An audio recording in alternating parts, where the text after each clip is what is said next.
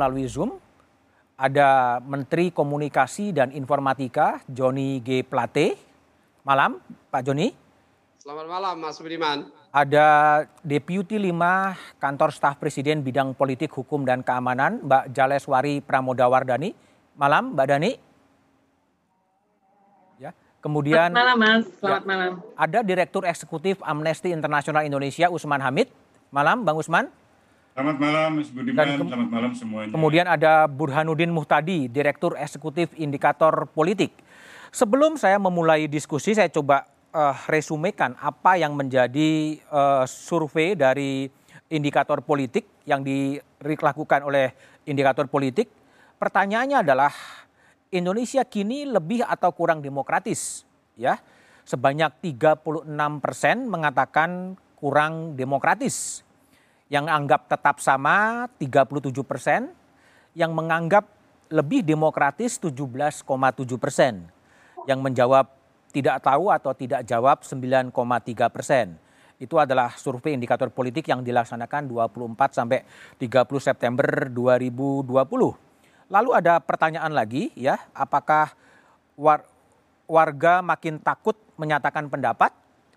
Itu yang mengatakan sangat setuju 21,9 persen, sangat setuju dengan takut menyatakan pendapat. Yang agak setuju 47,7 persen ya berarti hampir uh, mendekati 70 persen sebetulnya orang uh, setuju bahwa orang takut menyatakan pendapat. Yang kurang setuju 22,0 persen, yang tidak setuju 3,6 persen. Itu versi dari indikator politik Indonesia. Jajak pendapat yang sejalan juga dilakukan oleh Litbang Kompas. Ya, pertanyaannya adalah bidang politik dan keamanan apa yang mendesak untuk diselesaikan. Ya, kemudian responden mengatakan kebebasan berpendapat.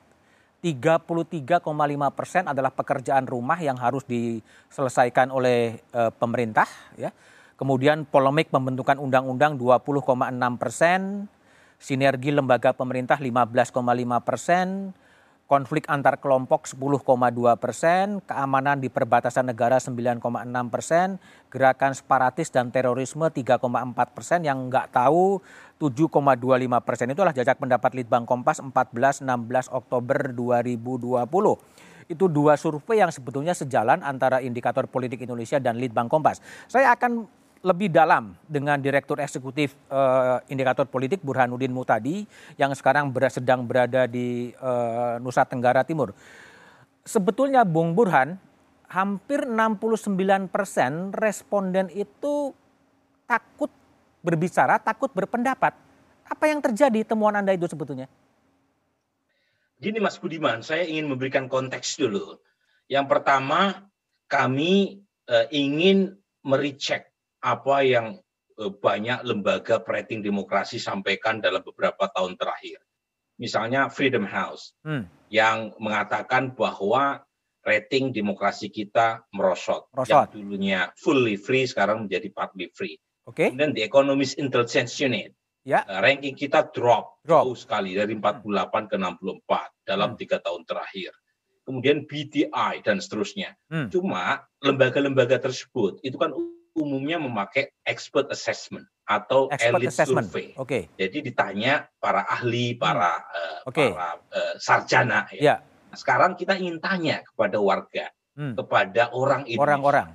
Ya, caranya melalui survei. Oke. Okay. Nah, kita tanya pertama adalah apakah ya uh, mereka masih percaya demokrasi sebagai the best system of government. Hmm. Itu dulu. Ya. Karena ini adalah dukungan normatif yang penting kalau secara normatif demokrasi tidak mendapatkan dukungan yang stabil di masyarakat, bermasalah kita. Oke. Kabar baiknya Mas Budiman, masyarakat Indonesia masih percaya. Masih percaya dengan demokrasi.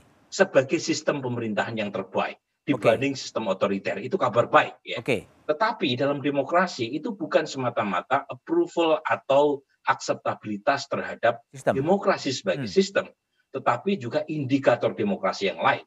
Ya. Jadi demokrasi juga bukan sekedar nyoblos lima tahun sekali, hmm. tetapi hak orang bicara setelah hmm. mereka nyoblos juga harus dihormati. Inilah indikator dari kebebasan sipil okay. atau civil liberties. Nah kebetulan di banyak negara itu ada indikator pertanyaan-pertanyaan itu. takut tidak takut untuk bicara, apakah demonstrasi itu uh, dipermudah atau tidak. Jadi right to redress, right to protest itu dihormati. Jadi uh, decent, suara untuk berbeda itu mendapatkan tempat yang mulia dalam demokrasi. Okay.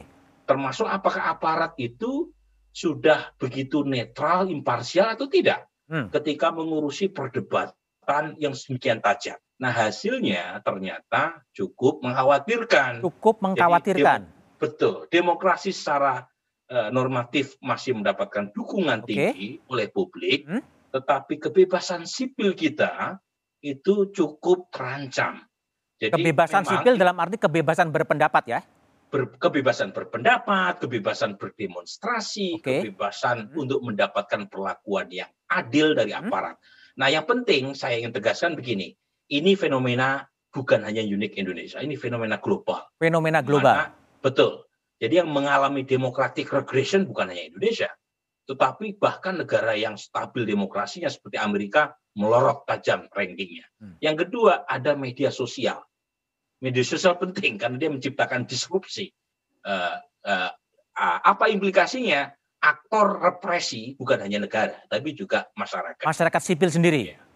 Misalnya uh, kadrun versus kampret ya. itu bisa hmm. bisa berminggu-minggu, bertahun-tahun tuh orang seperti Adi Armando itu sudah dilaporkan 10 kali itu lebih hmm. melalui pasal uh, yang berkaitan dengan undang-undang Undang ITE. Ya, termasuk di sisi yang lain mereka yang dianggap sebagai anti pemerintah juga mudah sekali gitu ya dilaporkan hmm. oleh pihak yang berseberangan. Apa kaitannya? Polarisasi. Jadi jadi ada banyak penyebab di mana pemerintah itu menghadapi situasi yang seharusnya bisa bertindak sebagai wasit yang adil. Burhan, pertanyaan bisa. saya, jadi sebetulnya apa penyebab orang-orang Indonesia sekarang mengalami ketakutan untuk berpendapat? Apa yang paling mendasar dari itu? Sebenarnya kan uh, uh, sudah kita alami ya, uh, ada semacam atmos atmosfer ketakutan. Atmosfer, atmosfer ketakutan. ketakutan. Yang selama beberapa tahun terakhir ini itu muncul ya, memang persepsi uh, persepsi ini kan belum tentu Betul. Uh, uh, paralel atau linear dengan okay. data. Tetapi persepsi itu kan tidak ujuk-ujuk muncul. Hmm. Pasti ada uh, apinya. Apa itu apinya? Asapnya. Nah, kalau misalnya kita lihat Eh, misalnya eh, studi yang dilakukan oleh Tempo itu menunjukkan dulu yang menggunakan pasal undang-undang ITE itu hanya sekian puluh. Ya. Sekarang ratusan. Ratusan yang menggunakan. Jadi or, kemudian orang kalau ngomong di media sosial dikit-dikit dibully. Oke. Jadi sekarang repot kalau kita bicara dengan akal sehat. Karena jadi jadi Burhan, Burhan persisnya tuh mereka takut kepada represi dari aparat menggunakan undang-undang ITE atau takut juga karena dibully di media sosial sebetulnya? Semuanya, Mas. Semuanya. Jadi ini akumulasi. Coba misalnya ya, saya terus saya berbeda pendapat dengan Syahganda hmm? atau Jumur Hidayat okay. itu nggak terhitung. Dia sering kali menolak hasil survei saya, mengatakan hmm. approval rating Pak Jokowi masih 60 persen. Ya. Katanya itu survei yang nggak benar. Saya beda pendapat berkali-kali hmm. sama mereka berdua. Tetapi ketika mereka berdua diborgol, kemudian dipamerkan ke publik ah. oleh polisi, padahal secara hukum kita belum tahu uh, apakah betul keduanya itu uh, melanggar hukum atau tidak. Yang kita tangkap dari keterangan Pak Argo, ada tweetnya yang mengatakan undang-undang cipta hmm. kerja adalah bikinan rentenir, pengusaha rakus. Apa susahnya kita okay. gitu ya untuk mengatakan bahwa itu biasa saja. Hmm. Kita nggak boleh mengkriminalisasi pendapat orang. Okay apa pun pendapat itu, itu sangat tidak kita sukai atau sangat tidak kita uh, enak untuk didengarkan. Oke, okay, baik, hak baik. mereka untuk kita dengar, hak mereka untuk bicara harus kita hormati. Baik, saya akan minta pandangan uh, Pak uh, Joni Plate, Menteri Komunikasi dan Informasi. Jadi kalau menurut observasi dari sisi pemerintah, ini ada republik ketakutan untuk berbicara sebetulnya, untuk berpendapat. Gimana Bung Joni melihat itu? Jadi begini eh, Mas Budiman, yang pertama tentu ya eh, survei-survei yang dilakukan oleh Mas Burhan, oleh Kompas itu satu hal yang baik ya, apalagi kalau itu dilakukan secara periodik. Karena itu bisa menjadi salah satu potret untuk kita melihat bagaimana mengukur kualitas demokrasi, kualitas kebebasan, hmm. Eh, dan kualitas human rights di Indonesia. Namun demikian, ya kita harus sadari bersama juga bahwa kualitas demokrasi, kualitas kebebasan yang ada di Indonesia ini bukan tanpa batas. Bukan tanpa batas. Batasnya, ya ada batasnya. Batasnya itu aturan-aturan yang kita miliki itu satu. Oke. Yang kedua, dan kualitas demokrasi tidak semata-mata hanya ditentuk, ditentukan atau yang jadi acuan hanya pemerintah. Okay. Karena demokrasi itu adalah interaksi dalam satu ruang yang hmm. diberikan oleh undang-undang, oleh aturan. Apalagi undang-undang dasar kita secara khusus ya, pasal 28 sudah mengatur betul menjamin kebebasan berekspresi, kebebasan berpendapat dan di konstitusi ya.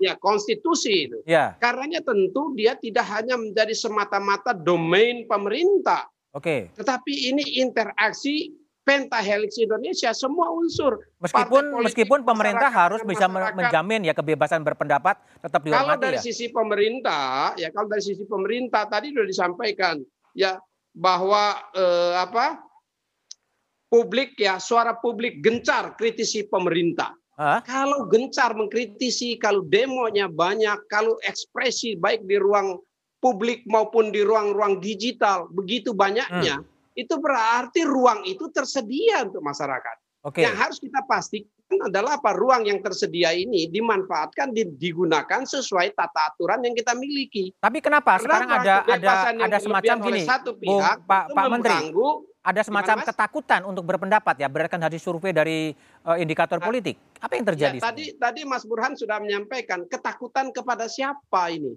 Ah. Apakah ketakutan kepada pemerintah atau ketakutan antar masyarakat itu sendiri? Ya kepada ya, pemerintah dan kepada masyarakat. Bisa saja ketakutan akibat di, khawatir dibully dalam media sosial. Hmm. Tetapi kalau dari sisi pemerintah dari sisi pemerintah ya ini kalau uh, penangkapan aktivis-aktivis oleh uh, polisi itu nggak nggak menimbulkan ketakutan ya? Terserahlah kira-kira gitu ya.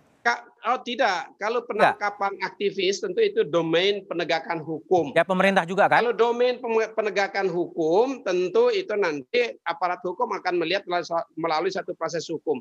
Dan saya juga saya meyakini juga bahwa aparat hukum tidak dengan serta merta ini okay. menahan orang, pasti hmm. dengan ada dasar-dasarnya. Itu akan diuji dalam tahap berikutnya. Okay. Tetapi ya, tetapi eh, itu juga memberikan gambaran bagi kita dan sekaligus memberikan eh, pelajaran bagi kita bahwa ruang demokrasi yang diberikan, ruang kebebasan yang diberikan untuk digunakan secara lebih berkualitas oleh kita.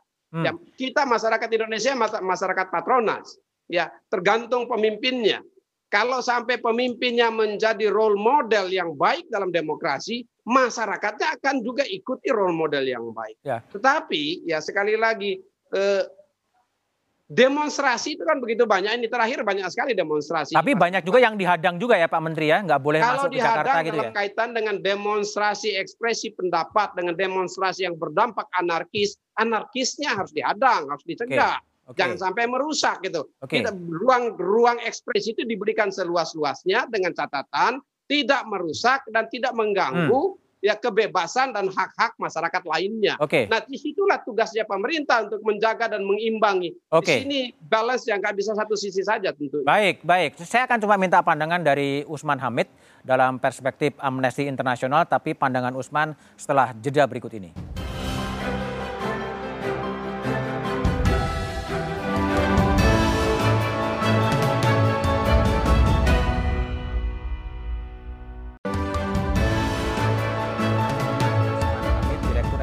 Amnesty Internasional Indonesia.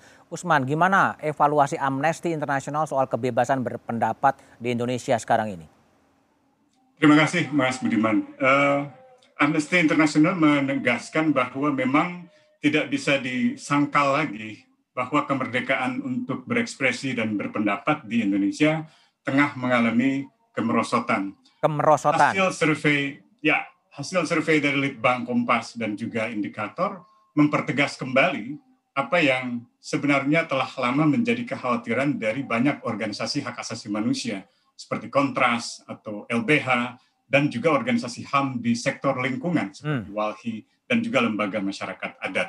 Nah, uh, survei Kompas dan uh, indikator itu menunjukkan betapa seriusnya kekhawatiran itu karena jumlah misalnya 30% yang di uh, dideteksi oleh oleh Kompas atau 70% uh, yang dideteksi oleh indikator itu jumlah yang sangat besar gitu. Dan ini yang saya kira perlu kita perhatikan. Bayangkan berapa juta orang yang memiliki ketakutan atau memiliki eh, pandangan eh, bahwa kebebasan berpendapat di Indonesia tengah mengalami masalah. Dan ini ditambah dengan lebih dari 50% atau bahkan sekitar 57% yang menilai aparat semakin semena-mena. Okay. Nah, dalam catatan kami, setahun terakhir ini sebenarnya memori publik itu masih membayangkan tentang beberapa peristiwa besar yang menunjukkan penggunaan kekuatan yang eksesif dari hmm. aparat keamanan. Oke. Okay. Nah, kita tahu sejak tahun lalu masyarakat mengkritik langkah-langkah pemerintah dan DPR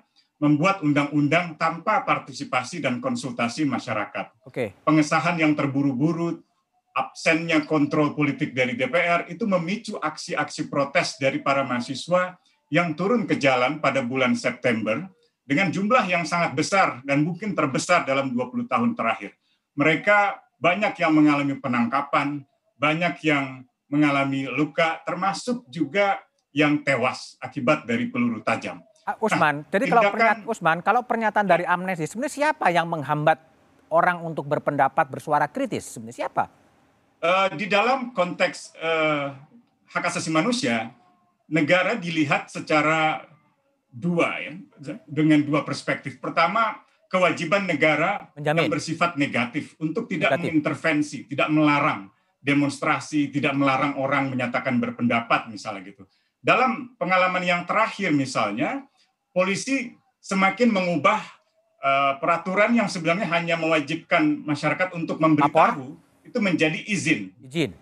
Okay. Sehingga tidak diberikan izin itu hmm. untuk menggelar demonstrasi. Yang kedua, okay. polisi juga memakai alasan pandemi hmm. yang mewajibkan jarak fisik sebagai cara untuk melarang demonstrasi. Padahal pemerintah misalnya tidak menunda pelaksanaan pemilu hmm. atau pemerintah tidak menghentikan misalnya aktivitas eh, perusahaan-perusahaan di daerah, misalnya perusahaan sawit dari karena alasan pandemi. Ketiga, polisi juga memblokir atau menghalangi di sejumlah wilayah melakukan penangkapan terhadap peserta demonstrasi yang berasal dari berbagai wilayah atau di dalam eh, Jakarta yang dihalangi untuk bisa sampai pada lokasi tujuan demonstrasi. Yang keenam adalah penggunaan SKCK oh. Eh, sebagai alat untuk menekan orang tua agar melarang anaknya berdemonstrasi. Kita tahu bahwa tahun lalu ketika anak-anak pelajar turun ke jalan bersama para mahasiswa, PBB memberikan pernyataan resmi menegaskan bahwa anak-anak memiliki hak untuk menyatakan berpen,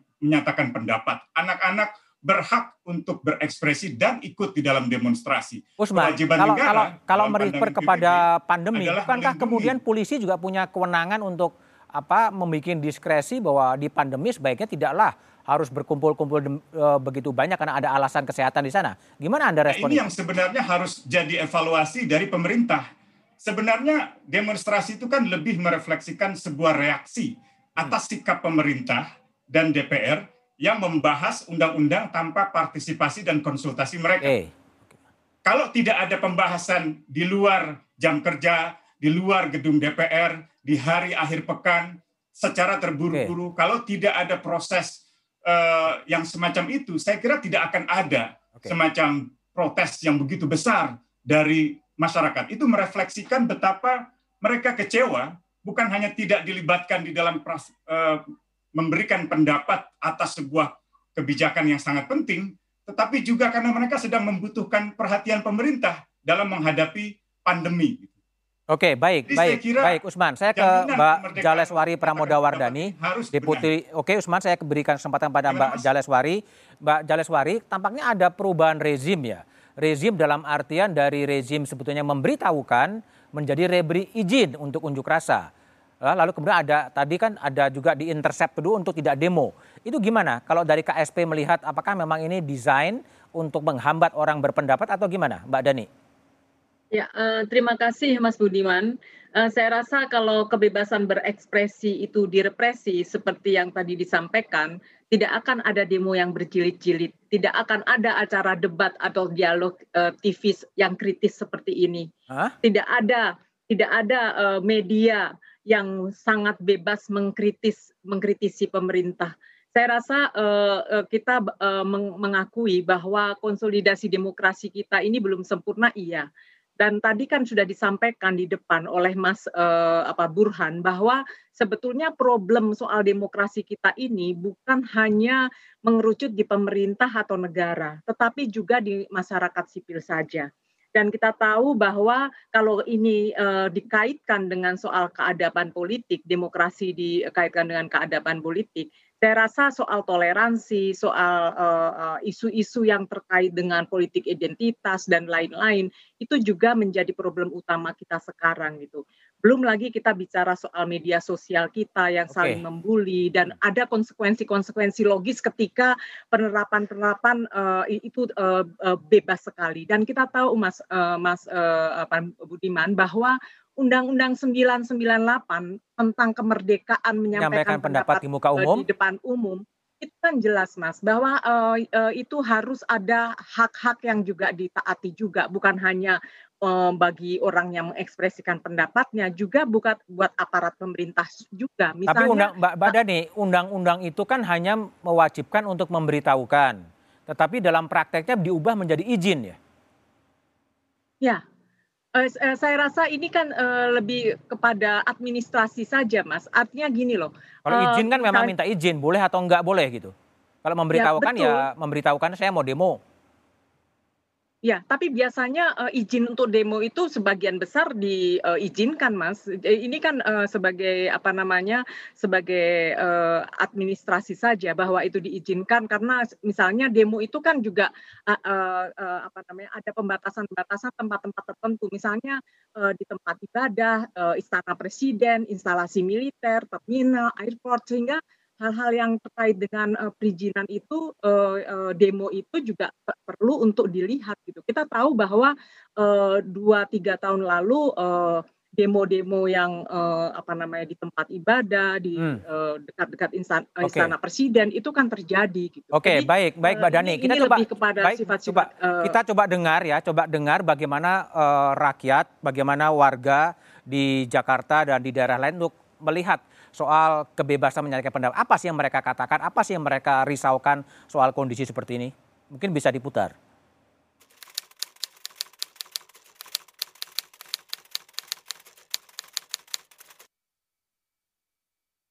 Uh, takut sih ada.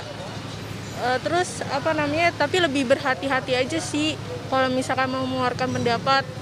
Uh, apalagi sekarang kan zamannya dikit apa dikit-dikit dilaporin apa apa dilaporin.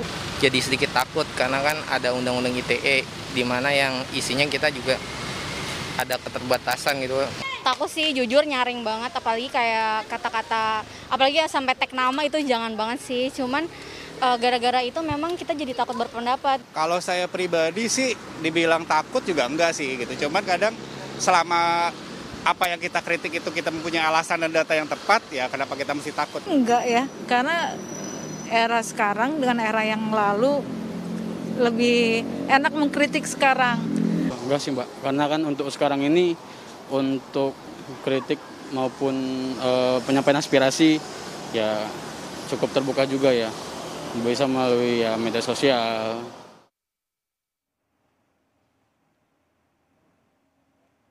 Oke ya, jadi pandangannya terbelah ya, terbelah ada yang berpendapat pendapat aja, tapi ada yang takut, eh, takut. Tapi yang menarik adalah dikit-dikit dilaporin, dikit-dikit dilaporin, dikit-dikit undang-undang ITE, undang-undang ITE yang dipakai. Gimana Mbak Dani merespon itu?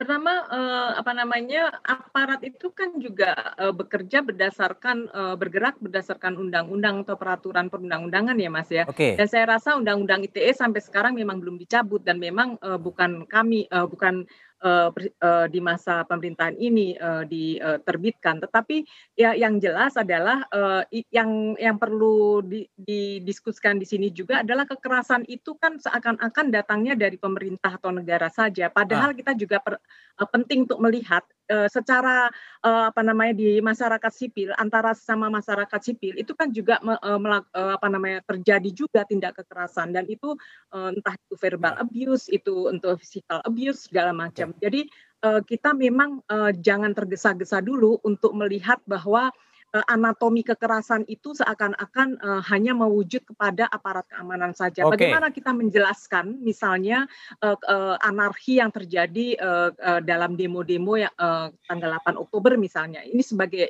ilustrasi Ya meskipun saja. belum belum sepenuhnya ketangkap ya Mbak Dani ya. Dulu yang waktu Ya. 2019 juga ada kekerasan-kekerasan diumumkan oleh polisi nggak ada tindak lanjutnya juga ya. Saya ke Bung eh, Pak Menteri, Pak Menteri, ini undang-undang ITE ya dianggap sebagai momok nih. Sebenarnya di apa-apa undang-undang ITE dan korban-korban undang-undang ITE begitu banyak karena eh, pendapat baik pendapat di muka umum maupun pendapat di WA group sebetulnya. Gimana apakah memang Kominfo akan coba melihat mengevaluasi undang-undang ITE ini? Ya Mas Budiman, ya kalau dilihat Undang-Undang ITE memang usianya sudah cukup eh, lama ya. Oke. Tapi relevansinya masih relevan. Masih relevan dan akan dipertahankan. Ya, masih relevan karena begini ya. eh, masalahnya adalah sekarang karena semakin terbuka ya, masyarakat mengekspresikan pendapatnya semakin terbuka, tetapi memahami undang-undangnya masih sangat terbatas. Belum baca Belum juga mungkin ya. Ini ini menjadi kunci adalah diseminasi sosialisasi undang-undang. Oh. Walaupun undang-undang itu dianggap rakyat sudah tahu pada saat diundang-undangkan. Oke. Kalau kita dengar tadi ya testimoni beberapa uh, uh, generasi muda kita tadi ya menarik sekali kok yang disampaikan banyak yang nggak takut tetapi ada satu yang menyatakan bahwa lebih berhati-hati. Lebih nah itu yang tepat. Lebih Oke. berhati-hati itu berarti menyaring informasi dengan benar Hmm. sebelum men-sharing kepada pihak yang lain. Oke. Agar apa? Agar ruang-ruang digital kita itu memang berkualitas. Undang-undang ITE itu untuk menjamin ruang digital yang berkualitas kok itu tujuannya. Oke, baik. Saya akan minta pandangan Usman Hamid ya soal undang-undang ITE yang sekarang betul-betul menjadi kriminalator ya sejumlah aktivis yang berbicara dan masuk penjara gara-gara undang-undang ITE. Tapi jawaban Usman setelah jeda berikut ini.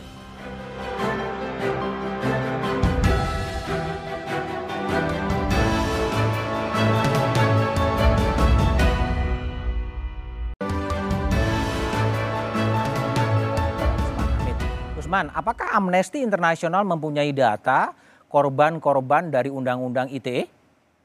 Ada.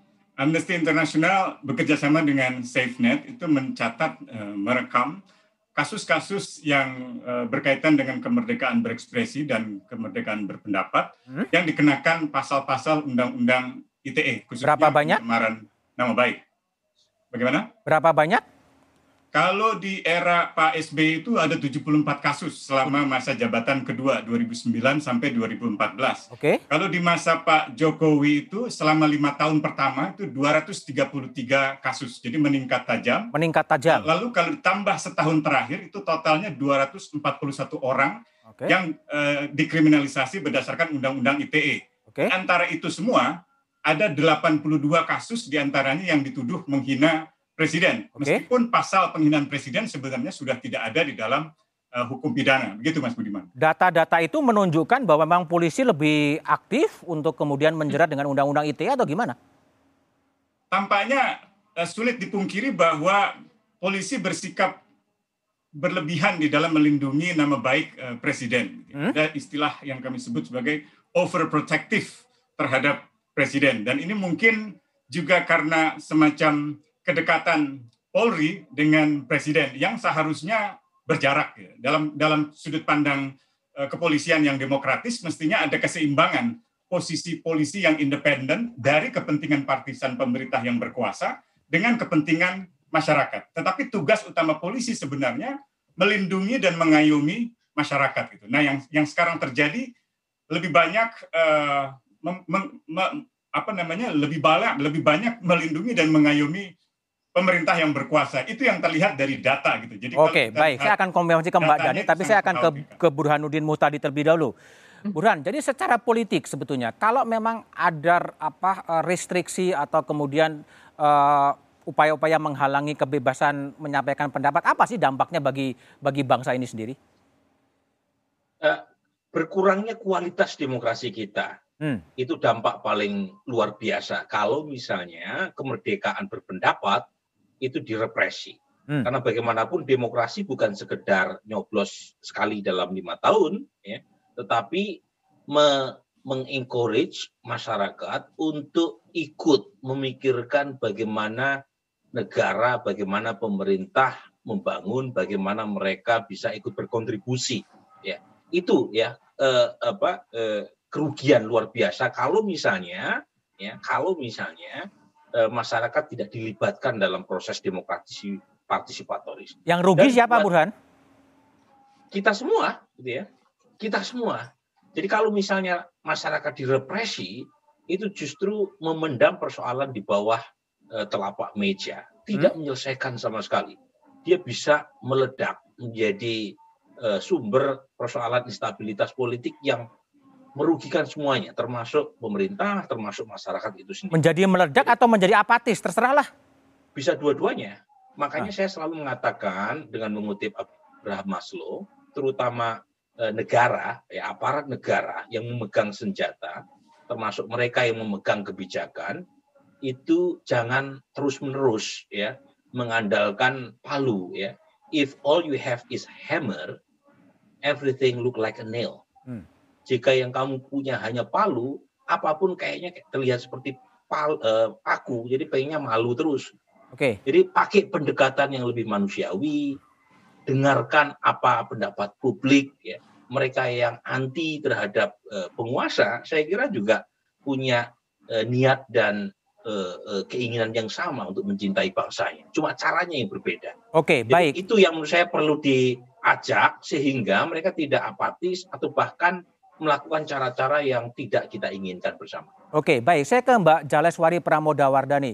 Mbak Dani, tadi Burhan mengatakan Mbok didengarkan, Mbok kemudian didialogkan. Ini kan sebenarnya ciri dari Presiden Jokowi ya. Presiden Jokowi waktu debat Capres mengatakan bahwa demokrasi itu adalah mendengarkan suara rakyat dan kemudian melaksanakan kehendak dari rakyat gitu loh. Tapi sekarang ada kesenjangan gitu ada represi terhadap orang-orang berpendapat. Apakah memang gaya kepemimpinan yang kemudian berubah karena memang politik formalnya begitu kuat?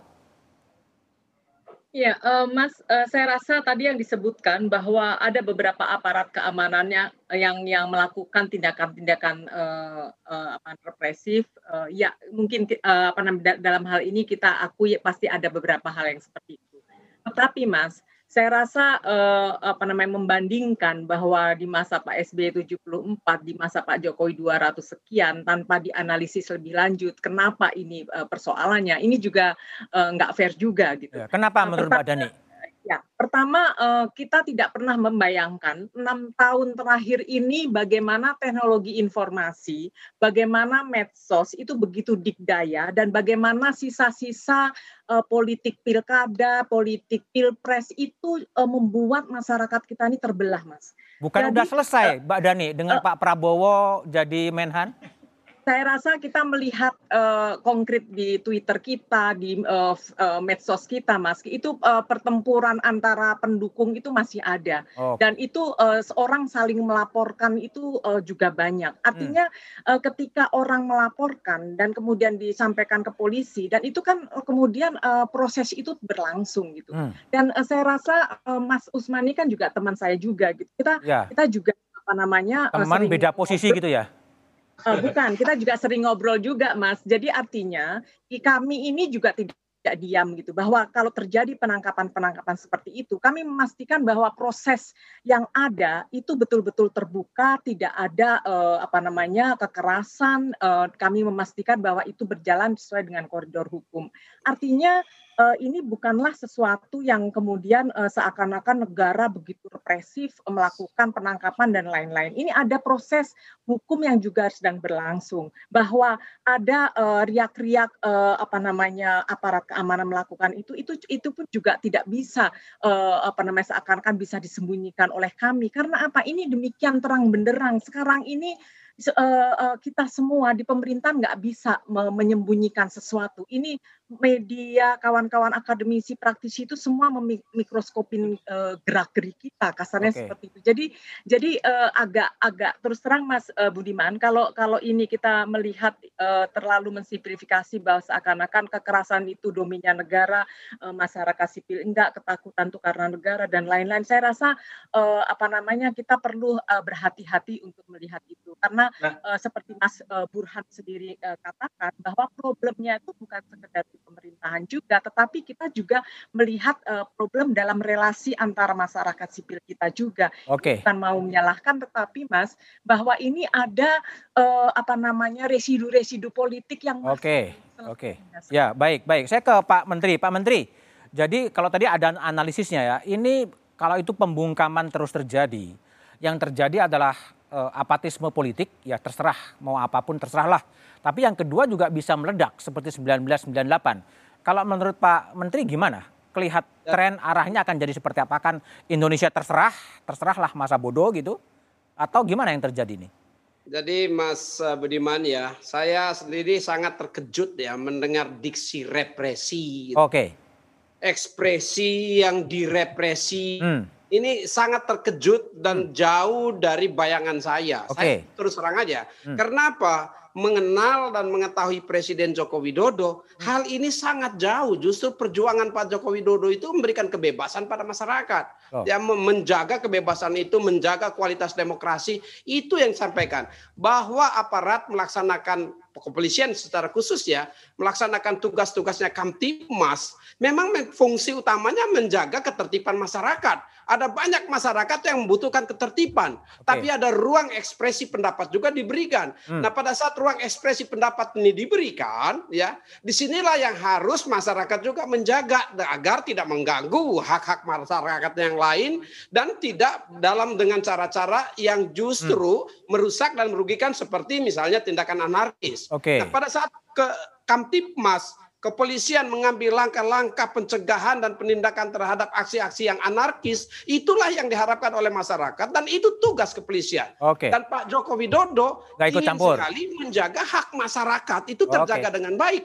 Beliau seorang demokrat ulung lah. Oke. Yang betul-betul menjaga demokrasi itu bahagian dari reputasi dan Pak Joko Widodo justru tampil sebagai pemimpin di ruang dan alam demokrasi kita. Dan okay. itu menjadi perhatian dan dijaga sungguh-sungguh. Dan saya sangat terkejut, Mas. Pada Baik. saat apabila ada masyarakat yang berkesan represi, represi. hanya dengan beberapa contoh, okay. di mana contoh-contoh itu justru ya harus dicegah agar tidak terjadi tidak terjadi. Memang, okay. memang menjadi tugasnya Kamtipmas. Baik, baik Pak Menteri, saya akan tanyakan kepada Usman Hamid kalau tren dan pola seperti ini yang terjadi ini akan jadi seperti apa? Akan semakin demokratis atau akan semakin menjadi uh, tirani atau jadi seperti apa? Tapi jawaban Usman setelah jeda berikut ini.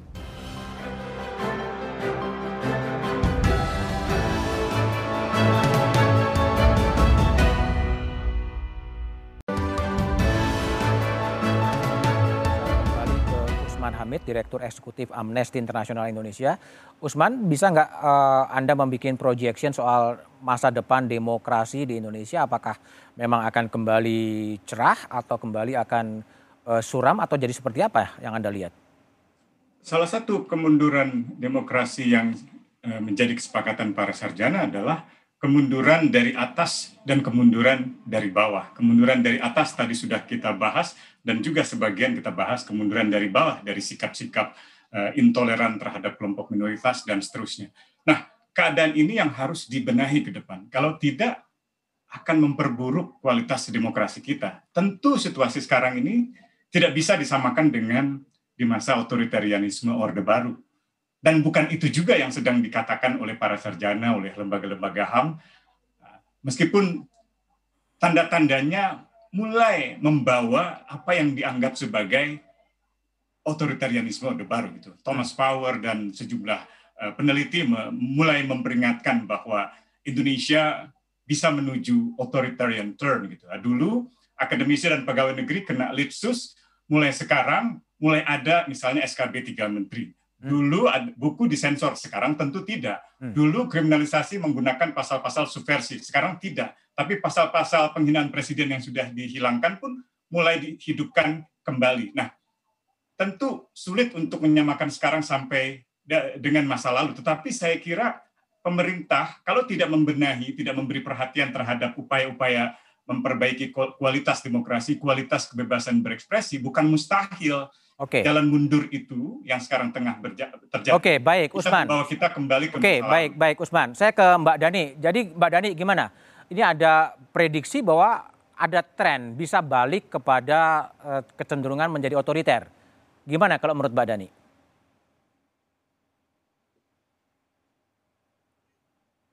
Halo? Mas Budiman, ya, ya. saya rasa kita kita semua sudah uh, uh, sepakat bahwa demokrasi itu adalah pilihan terbaik kita. Okay. Dan saya rasa pemerintah ini uh, Pak Jokowi itu uh, sangat concern untuk menjaga dan merawat demokrasi. Okay. Tapi masalahnya adalah problem kita uh, soal merawat demokrasi tidak bisa dilakukan oleh pemerintah sendiri, okay. tapi juga kerjasama dengan kawan-kawan masyarakat sipil hmm. lainnya. Hmm. Tugas kami adalah memastikan bahwa semua uh, proses yang berlangsung sesuai dengan koridor hukum dan memastikan semua juga uh, uh, hak-haknya uh, terakomodir. Tetapi di masyarakat sipil juga memiliki hak dan tanggung jawab bahwa ke, ke, ke, ke, kebebasan yang dimiliki itu tidak absolut. Jadi okay. harus berhenti ketika Sesuai dengan hukum ya. Kebebasan lain. Ya. Oke, okay, baik Jadi Pak Menteri. Ini ini ini Oke, okay, adalah saya kembali uh, waktunya Mbak Dani ke Pak Menteri. Jadi apa yang persi akan dikerjakan oleh pemerintah agar demokrasi tetap bisa tumbuh dan berkembang dengan subur? Ya, Mas Budiman, demokrasi, kebebasan pers, kebebasan berpendapat untuk Indonesia at the point of no return. Yang ada kita hanya maju ke depan dan memperbaiki dan meningkatkan kualitasnya. Okay. Demokrasi kita harus terus cemerlang dan terang benderang. Nggak bisa diisi dalam demokrasi kegelapan. Oke. Okay. Untuk itu Pak Joko Widodo ya sangat berpihak kepada hak-hak dasar masyarakat dan hmm. itu menjadi perhatian utamanya, okay. yaitu kebebasan itu sendiri, namun tentu dengan penuh tanggung jawab. Hmm. Oke, okay, baik, baik, Burhan. Jadi uh, menurut Anda, apakah memang gelombang ketakutan berpendapat sekarang ini sebetulnya apa yang harus dilakukan oleh pemerintah agar tidak perlu takut, tetapi ekspresi tetap harus dinyatakan, tapi juga harus tidak harus terjerat pada undang-undang ITE?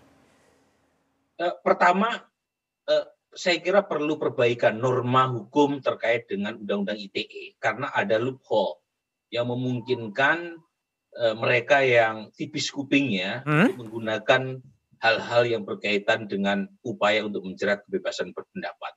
Jadi sudah saatnya ada revisi. Revisi. Undang-undang ITE. Hmm. Terut terutama hal-hal yang membuka kemungkinan terkait begitu mudahnya menjerat orang lain sehingga bisa dikriminalisasi. Itu satu.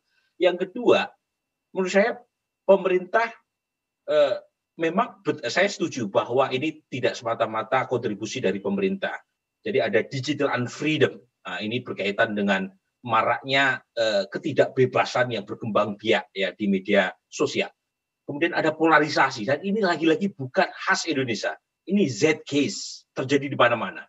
Eh, banyak negara yang sudah establish demokrasinya merosot, termasuk Amerika, UK dengan Brexitnya dan seterusnya. Tetapi itu tidak kemudian menjadi excuse buat pemerintah untuk tidak melakukan apa-apa. Oke. Okay. Justru karena itulah pemerintah dituntut bekerja lebih masif, lebih, masif. lebih sistematik untuk mengembalikan iklim kebebasan dan tidak menyebar atmosfer atau ketakutan. Oke, baik Bung Burhanuddin Mumpati, Usman Hamid, Mbak Dani dan Pak Menteri Joni G Plate telah bergabung di satu meja. Gelombang ketakutan warga untuk berpendapat adalah sinyal kemunduran demokrasi Indonesia. Republik ini harus dihindarkan dari bayang-bayang ketakutan untuk berpendapat. Ketika berpendapat saja tidak berani, maka demokrasi akan mati upaya membungkam kebebasan berpendapat adalah tindakan melawan konstitusi. Demikian satu meja The Forum malam ini. Sampai jumpa pekan depan. Selamat malam dan terima kasih.